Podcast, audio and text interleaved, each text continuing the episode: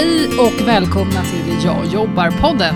Rasmus är ute på uh, turné, han är ute och, och vinner val. Uh, så att uh, idag är jag här, Emily, tillsammans med Kristina. Och jag, jag tror inte jag har missat en enda poddinspelning. Hängiven eh, poddare så att säga. Du är aldrig ute och vinner val med andra ord. det skulle jag inte säga. Jag är ute och vinner väldigt mycket val. Eh, men jag jobbar väldigt mycket här också och hjälper Erik med eh, allt han behöver hjälp med eh, skriftligt. Vi antecknar. Vi antecknar, det är bra. Jag vill ju inte känna mig som en sämre kampanjare. Jag åker faktiskt ut på turné snart också. Det är coolt. Det är lite coolt. Mm.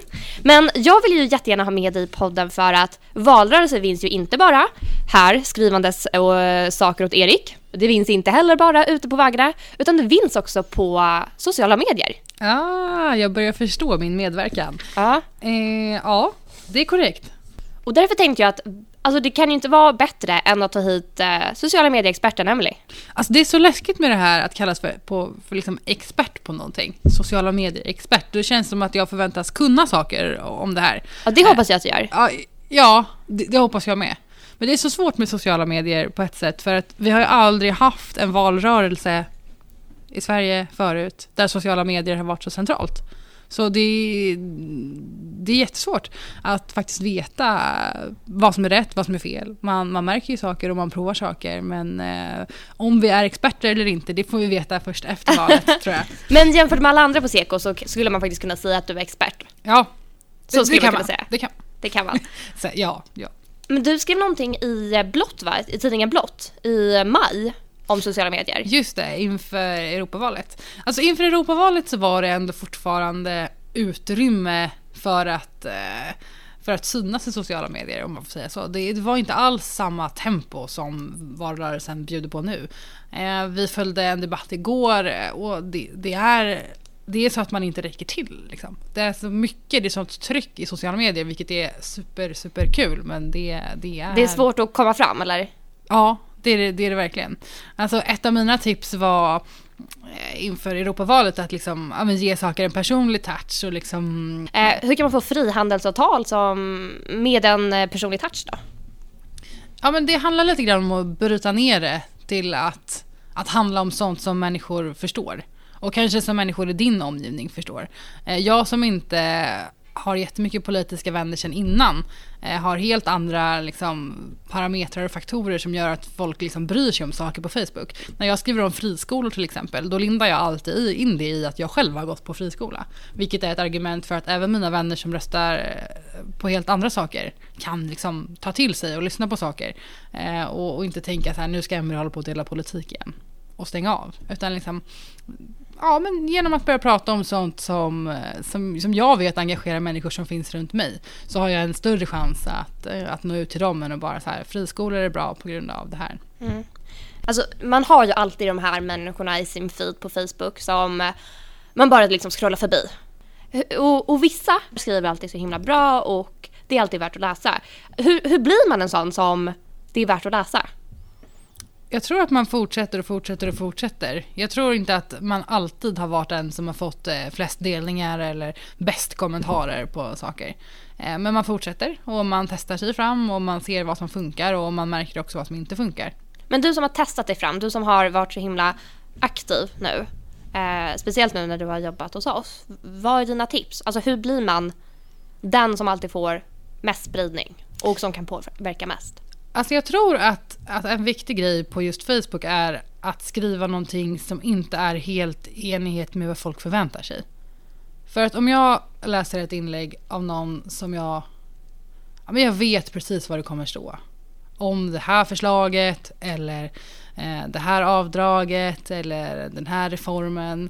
Om jag vet precis vilken text jag kommer få, då kommer jag att scrolla förbi. Okej, så att om, om jag till exempel skriver Reinfeldt var bäst i dagens debatt. Mm på grund av det här. Det, det känns liksom oviktigt då. Ja men om du lyfter fram någonting som inte hundra andra människor har gjort innan, då Ja. kanske jag tycker att det är intressant ändå. Har Kristina fått en annan vinkel? Det är lite det jag menar med den här personliga touchen. Man behöver liksom inte här ta in Reinfeldt i sitt eget vardagsrum och bara så här skulle Reinfeldt passa hos mig. Utan det handlar mer om liksom att inte säga exakt det som alla andra redan har sagt. Okej, försöker ge en, en egen touch liksom. Ja, men lite. Och det funkar att vara rolig, det funkar att vara saklig. Det är liksom... Hur är det med längden eller typ med bilder eller så här? Om man ska ha någon slags mall, finns det något sånt? Alltså ju kortare desto bättre. Är det så? Lite så är det. Men sen så finns det ju meterlånga inlägg som kan bli hur bra som helst. Men räkna med att folk inte kommer läsa allt. Eh, Så se till att få in det viktigaste i början. Okej. Lite så skulle jag säga. Ja men så som tidningsrubriker, Ja. att det ska vara catchy. Ja, men man får hitta saker, eller liksom, saker som fångar människor. Vad hade du själv reagerat på? Men det känns i och för sig som, på Facebook finns det många fler opolitiska människor. Men på Twitter känns det som att alla alltid har en åsikt om allting. Ja, alltså på Twitter kan man nästan glömma det här med att, så här, att man måste inte linda in saker men liksom bryta ner saker på samma sätt. På Twitter kan man nästan vara hur rätt fram man vill. För Twitter är liksom byggt på åsiktsmaskiner. Ja. Det är liksom ett forum för människor att tycka saker om allt. Så där behöver man inte alls vara lika försiktig. Där handlar det istället om att, att komma ut och synas. För att det är så många som tycker så mycket saker att eh, man riskerar att liksom dränkas i, Ja. i. Men det tycker jag alltid är problemet att det är så mycket som händer alltid. Man kan inte ta igen det. Ja, alltså du, nej, du kan inte ta igen vissa saker. Det kanske istället handlar om att hitta eh, människor att följa då som du vet lyfter upp de här sakerna som du tycker är intressanta. Ja. Som retweetar sånt som, som du vet att du behöver se. Okej, så man ska alltså linda in, eh, hålla sig eh, kort, i alla fall det viktigaste där uppe på Facebook. På Twitter då gäller det att bara säga säg vad du tycker. Ut med det. Och synas. Och gärna lite vasst och lite roligt och lite liksom oväntat. Ja. Det är också kul när oväntade personer eh, skriver saker. Så det, det är alltså inget tips att liksom så här, ah, det här blev en jättebra Twitter-grej, nu postar jag på Facebook också. För då blir det, Jo, det kan du göra, men du kanske får skriva lite mer. ja precis. Tänk om lite. Det är också en sån här sak att eh, det ska finnas en anledning att följa dig på både Facebook och Twitter. Och om du skriver identiskt på båda, då kommer jag bara följa dig igen. Annars blir det upprepning. Men du kan absolut använda samma nyhet men skriva den på lite olika sätt. Mm, det är bra tips. Jag hoppas att eh, alla som lyssnar nu har blivit lite klokare på hur man ska synas och höras på sociala medier.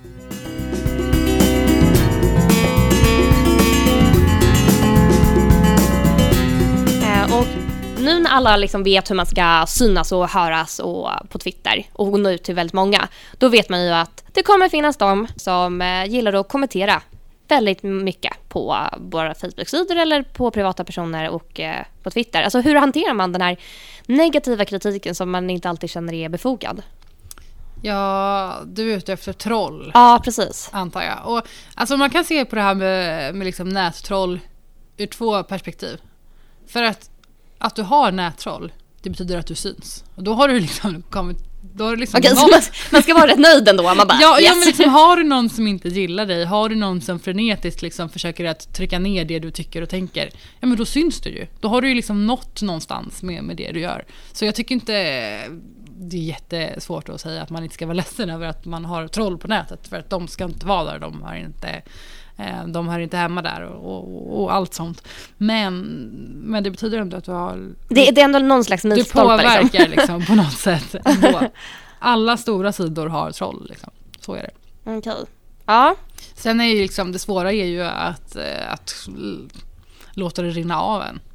Eh, och jag tycker inte att man ska ta vilken skit som helst. Alltså när det börjar gå till så här personangrepp på ett sätt som så här, eh, när det inte längre har att göra med din politiska åsikt. Att det kanske egentligen, liksom, kritiken du börjar få handlar om hur du ser ut eller om liksom, vart du har valt att bo någonstans. Eller liksom, när, när saker och ting liksom har tappat det du egentligen pratar om. Då tycker jag dels att man inte behöver svara. Eh, och jag tycker man kan, man kan säga liksom, nu pratar vi om, nu pratar vi om helt olika saker. Eh, kan, kan man den höra dagen- av sig till dig då kanske? Det kan man göra, absolut. Eh, jag och eh, vår kära pressekreterare Joakim pratar ganska ofta om vad man ska bemöta och vad man inte ska bemöta. Okej, så eh, på muff.se slash kontakt har ni Emelies kontaktuppgifter. Och är det så att man känner att nej, jag tror att det här börjar gå lite överstyr, då kan man kontakta dig Alla gånger. alla gånger. Det är jättebra. Men alltså, så här, vad, vad är det folk säger då som troll? Alltså, så här, är det bara personliga påhopp på vår sida eller är det liksom politiska argument också som... Alltså det är bemötas. mycket härskarteknik och det är mycket härskarteknik från människor som man inte förväntar sig det av. Eller snarare människor som när man liksom tänker att du är så pass högt ansedd i politiken att du borde inte ägna dig åt sånt här. Men de, de liksom, gränserna suddas ut lite grann på nätet. Men sen finns det ju också de som, vi har, vi har en man på um, MUF-sidan som alltså flera gånger varje dag skickar långa, långa, långa politiska inlägg eh, på Facebook kring eh, vad han tycker och tänker om vår politik. Och han måste alltså ägna timmar per dag åt att göra de här sakerna. Man, man undrar vad folk verkligen vill lägga sin energi på. ja. Nej men jag, jag undrar på riktigt liksom vad, vad, vad han gör. Eh, och jag vill inte blockera honom för att jag tror att det är det han kanske vill. Jag förstår. Ja. Eh, sen så kan man också, alltså om du börjar prata om en sak och någon annan alltid kommenterar något annat, Moderaterna är sämst på det här eller ni gör det här som blir fel. Eh, då kan man alltid hänvisa till så här, absolut, jag vet om att du tycker det, men nu handlar det om det här. Mm. Bara för att man postar en politisk eh, fråga så behöver man inte stå till svars för hundra andra, för det kanske inte var det som din diskussion skulle handla om. Men eh, alltså så här, de här trollen, eh, säger de bara så här personangrepp eller har de också politiska frågor som de ställer som de också vill ha svar på? Ja, alltså jag tror egentligen inte att det skiljer sig där jättemycket från alltså, kanske en kampanj. Utan det är liksom de frågorna som folk ställer på nätet. Det är lite grann de frågorna som folk kommer fram med också. Kanske att folk vågar vara lite mer rätt fram eh, Okej. på nätet. För att du har inte liksom, det, du står inte ansikte mot ansikte med någon. Liksom. Ja men precis. Men det är ju mycket kring, ja men om vi till exempel går ut och säger så här, det är 250 000 fler jobb nu än 2006 Ja. eh, och sysselsättningen har ökat, ja men då kan vi räkna med att det kommer komma någon och börja prata om att ja, men det har faktiskt flyttat in fler människor till Sverige. Eller liksom eh, saker som... Man vill hugga ner argumenten. Och ofta vill man hugga ner argumenten med, med, genom att hänvisa till siffror som kanske liksom är väldigt vänstervridna eller kommer från något eh, institut som eh, ja, Ja, just det. Eh, Finanspolitiska rådet. Jag vet inte hur många gånger jag varit på kampanj och någon säger så här. Nej men arbetsgivaravgifterna, den sänkningen ger ju ingenting. Det är dyrt och till och med Finanspolitiska rådet säger att de inte ger några jobb. Men, men det är ju bara helt fel. Alltså, vi har ju liksom största arbetskraftsandelen i hela EU. Och tillsammans med Nederländerna har ju vi liksom högst sysselsättningsgrad i EU. Under en finanskris så har vi ändå lyckats skapa fler jobb. Medan i andra länder så har det bara varit färre jobb. Och det är sånt som vi såklart gärna vill prata om och ska prata om. Eh, Och mycket diskussion handlar, handlar om kvinnor och jobb också. Eh, I och med att Fi gick så bra under våren. Nu verkar det ha eh, fallerat lite, vilket eh, jag som feminist kan tycka är skönt. Eh, För att diskussionen handlar ju ofta om ifall Fis politik verkligen är bra för kvinnor i jobb. Och det verkar som att fler och fler har insett att eh, vi har en bättre politik för att fler kvinnor ska få komma ut i arbete. Och ofta lyfter ju RUT som någonting som vi har skapat mot kvinnor. Absolut, och när det kommer uttalanden som att eh, eh, människor som jobbar i, i städ, med hämtstäd till exempel eh, skulle vara tjänstefolk. Men alltså det har verkligen skapat jättemånga kvinnliga företagare nu tack vare eh, de här reformerna. Alltså både RUT och också just det att man får öppna nya vårdcentraler och äldreboenden och att, att det finns en konkurrens på marknaden. Det har gjort att väldigt många kvinnor, eftersom det är en kvinnodominerad bransch, att väldigt många kvinnor har startat nya företag. Och många av de kvinnorna ryter ju också ifrån nu i sociala medier. Ja. Eh, använder sitt utrymme till att eh, faktiskt eh, prata om de här sakerna. Eh, hur det berör dem, hur det har påverkat dem på ett bra sätt att, eh, att RUT finns och hur det skulle påverka dem om det försvinner. Mm. Alltså från 2009 har ju RUT-företagen ökat med 186 procent. Och nå- någonting jag har stört mig ganska mycket på är S-flörtarna med SD. Vi har pratat om det väldigt mycket i podden tidigare. Eh, men, men det blir så himla tydligt nu när, eh, när Socialdemokraterna vill göra det svårare att komma in till Sverige för att eh, jobba. Och det är ju typiskt en sån här grej som, som de aldrig skulle erkänna. Men om man printscreenar lite liksom, tweets och, och, och citat från, eh, från S och SD så ja, då skiljer Ja. det sig inte jättemycket. alltid. Ja, de vill göra det svårare att komma hit och jobba och sen säger de, deras täckmantel då, för att man inte ska låta alldeles för mycket som SD är ju så här att nej men människor utnyttjas här och vi tycker att alla som ska komma hit eh, och jobba ska få kollektivavtal. Och det vill vi införa i EU. För det första, Eh, så är det ganska omöjligt eftersom man måste samarbeta med 27 medlemsländer. Så deras lagar och regler kommer ju också behöva gälla på vår marknad. Det är inte så att Sverige är den som bestämmer i EU. Men sen så är det så att de ljuger ju. För att människor som kommer hit, de får lön som motsvarar kollektivavtalet. Allt annat är ju liksom inte tillåtet överhuvudtaget. Det är precis sådana här saker som, som är ganska svåra att prata om i sociala medier. För det, är det kräver lite tid, det kräver att man behöver tänka efter ett steg. Så om vi ska koppla det tillbaka till sociala medier så då är det ju den som lyckas liksom ta, prata om det här på ett sätt som gör att människor förstår, som gör att det blir träffsäkert och att man liksom Mm. Man, man orkar hänga med. Det är, de, det är de som når fram. Ja, då förstår jag att det blir lättare för Socialdemokraterna att säga att eh, färre ska komma hit och de som kommer hit ska få det bättre. Lite så. Men egentligen så alla som kommer hit går under samma regelverk. Det blir svårt, man vill både ha kakan och äta den. Det ska vara bra med, med vissa saker som man sen kommer på att oj, det gynnar inte oss och då vill vi inte ha det längre. Och så. Det är fult.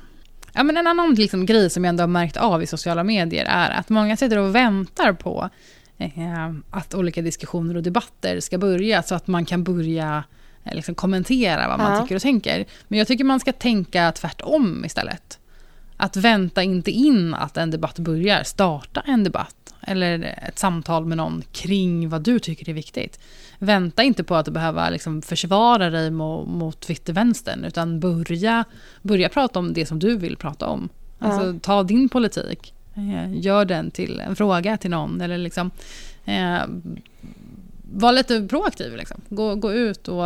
och... Hur, hur, startar man en debatt då? Eh, eller förstår du jag menar? Att vissa kanske inte känner att de har nått ut till så många tidigare. Hur, mm. hur blir man tydlig med att välkomna och debattera med mig? Yeah. Eller det, kan, det kanske är lättare än vad det är. Jag är kanske lite rookie på det här. Nej men det är ju lite, jag har inte använt mitt Twitterkonto till så mycket politiskt innan eftersom jag inte var politiskt engagerad för, för ett år sedan.